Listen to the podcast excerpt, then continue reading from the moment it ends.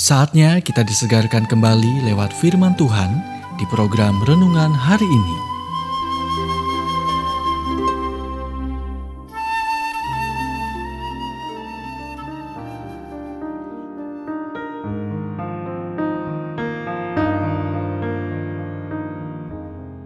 Renungan hari ini berjudul Singkirkan Kepahitan Itu.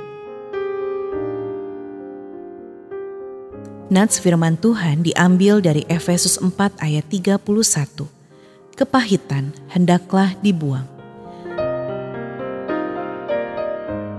Kata-kata kepahitan hendaklah dibuang melukiskan gambaran seorang ahli bedah memotong pertumbuhan kanker untuk menyelamatkan nyawa pasien.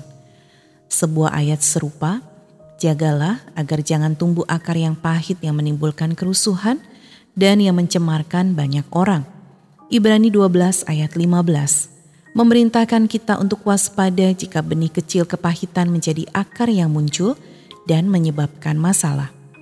Kepahitan memiliki banyak sumber, orang tua yang hilang atau kasar yang tidak dapat kita maafkan, perceraian buruk, kata-kata ceroboh seorang teman yang bahkan tidak menyadari efeknya, bos yang tidak menganggap kita untuk promosi.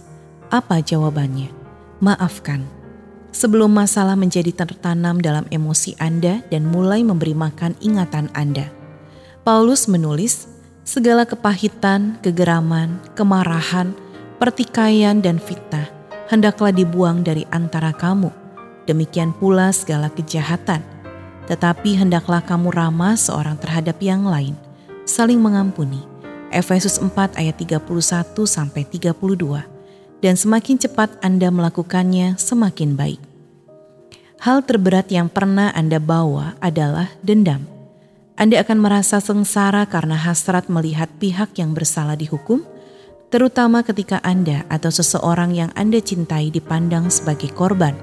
Apa yang terjadi adalah ini: setan memasukkan gambar dan meyakinkan Anda bahwa tidak apa-apa memendam kebencian. Lagi pula, anda hanya melindungi diri agar tidak terluka lagi, bukan?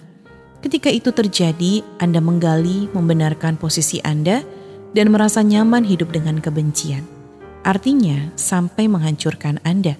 Tetapi itu tidak harus terjadi pada Anda, karena tidak ada emosi yang begitu dalam, sehingga kasih karunia Tuhan tidak dapat menjangkau dan menghapusnya.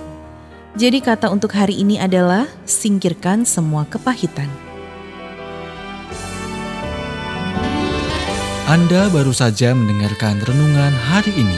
Kiranya renungan ini terus mengarahkan kita mendekat kepada Sang Juru Selamat, serta menjadikan kita bertumbuh dan berakar kuat di dalam Kristus. Bila Anda diberkati, berikan kesaksian Anda melalui WhatsApp di 0817 222 959. Atau, jika Anda ingin memiliki buku renungan hari ini, anda bisa dapatkan di Radio Suara Gerasi FM, Jalan Setiabudi 31 Cirebon. Dengar dan lakukan firman Tuhan, maka hidupmu akan selalu berkemenangan. Tuhan memberkati.